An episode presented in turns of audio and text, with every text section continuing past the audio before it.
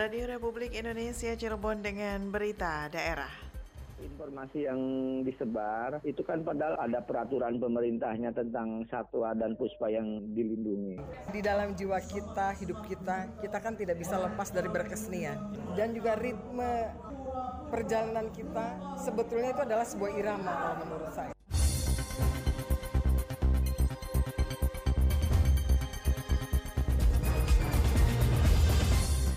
Sari Berita, pemerintah kota Cirebon kagum akan acara malam apresiasi puisi Indonesia adalah Saraswati.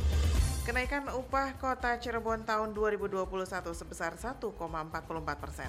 Bersama Selisma Julia Sari, inilah berita daerah selengkapnya.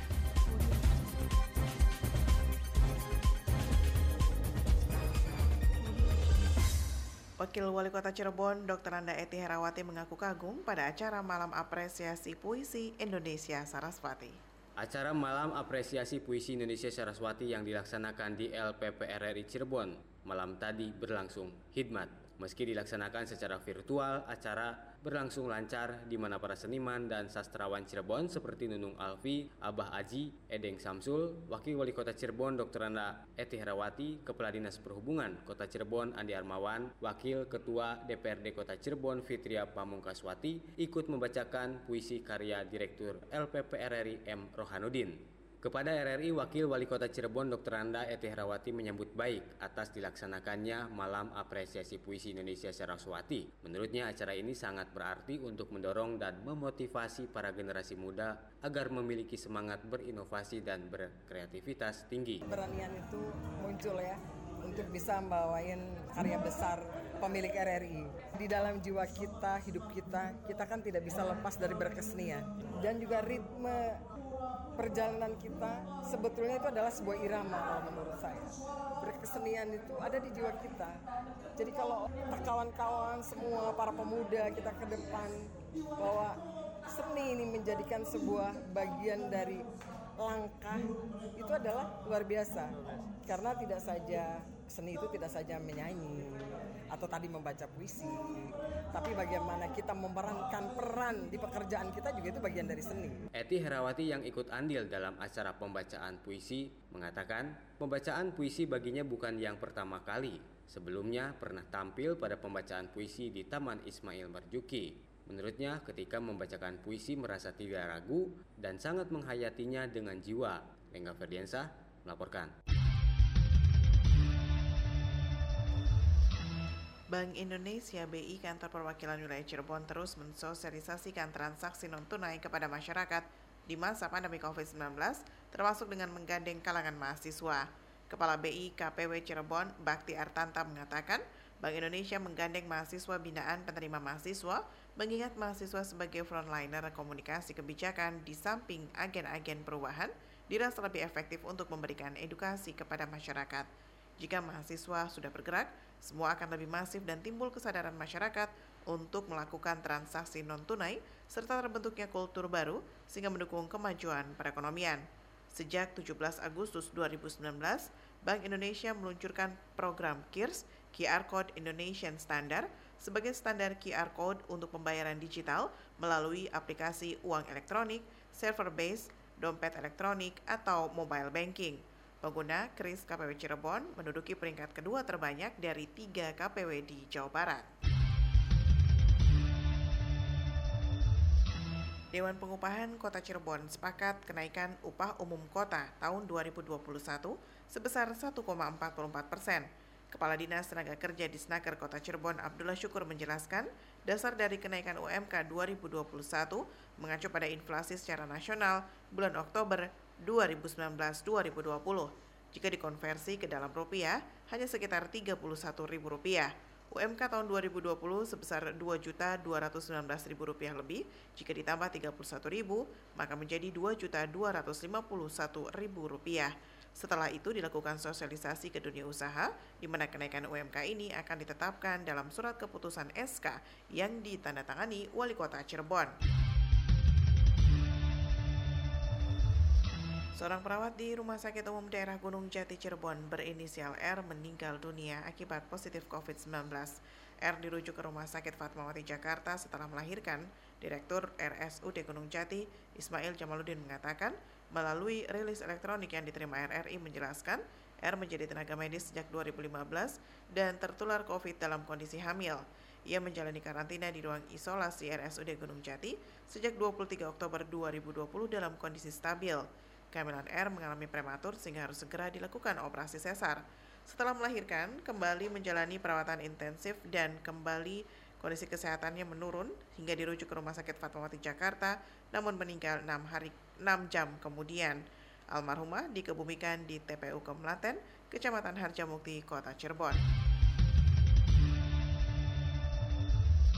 Masyarakat diharapkan memiliki kepedulian dalam menjaga dan memelihara tanaman serta satwa langka yang dilindungi. Hari Cinta Puspa dan Satwa Nasional yang diperingati setiap tanggal 5 November merupakan momentum agar masyarakat memiliki kepedulian dalam menjaga dan memelihara tanaman serta satwa langka yang dilindungi.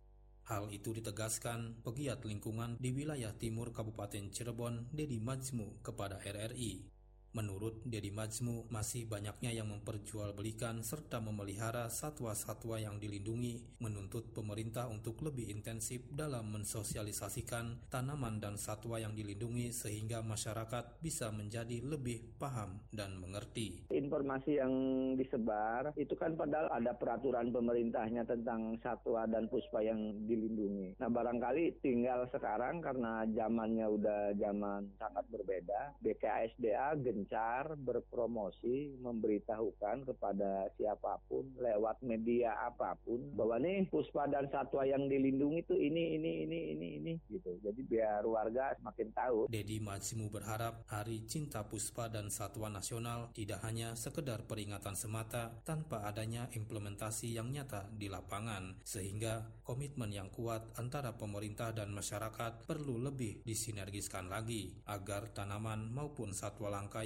dilindungi bisa tetap terjaga kelestariannya dan tidak punah akibat ulah dari tangan-tangan jahil yang tidak bertanggung jawab.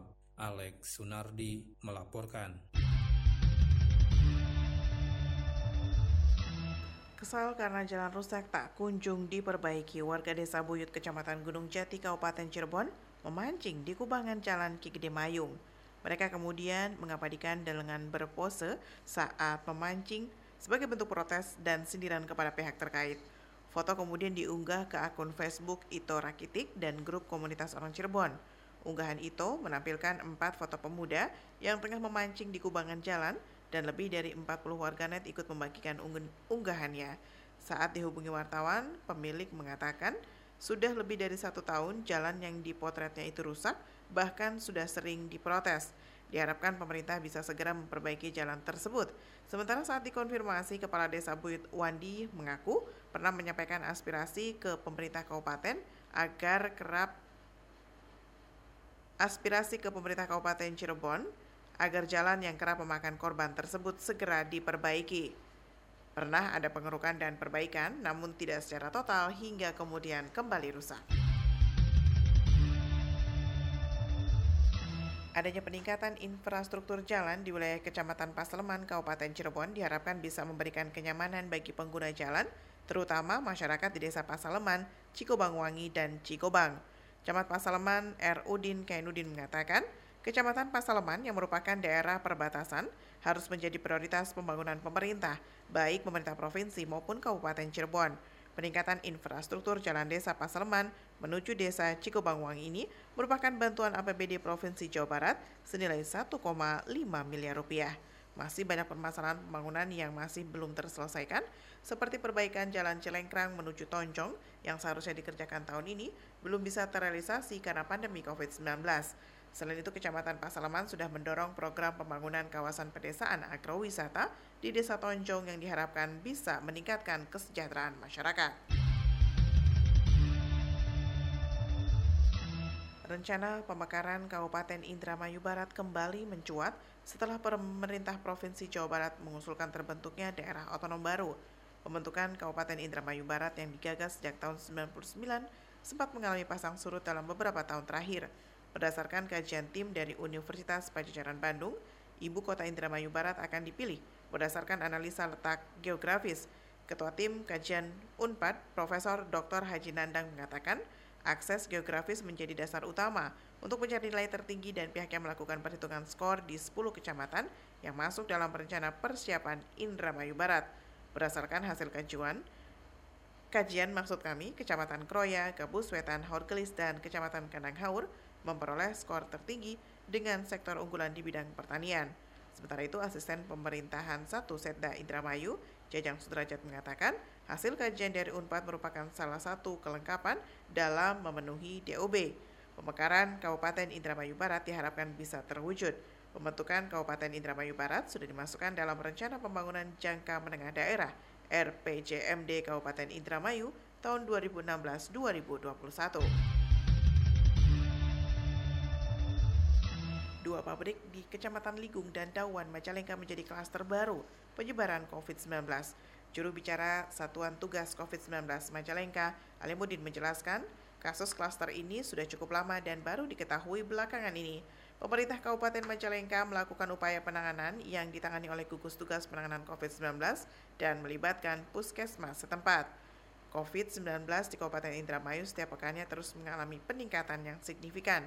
Dihimbau agar pengawasan penerapan protokol kesehatan di pabrik lebih diperketat dan menerapkan 3M, yaitu mencuci tangan, memakai masker dan menjaga jarak, serta mengurangi kapasitas tempat makan bagi karyawan.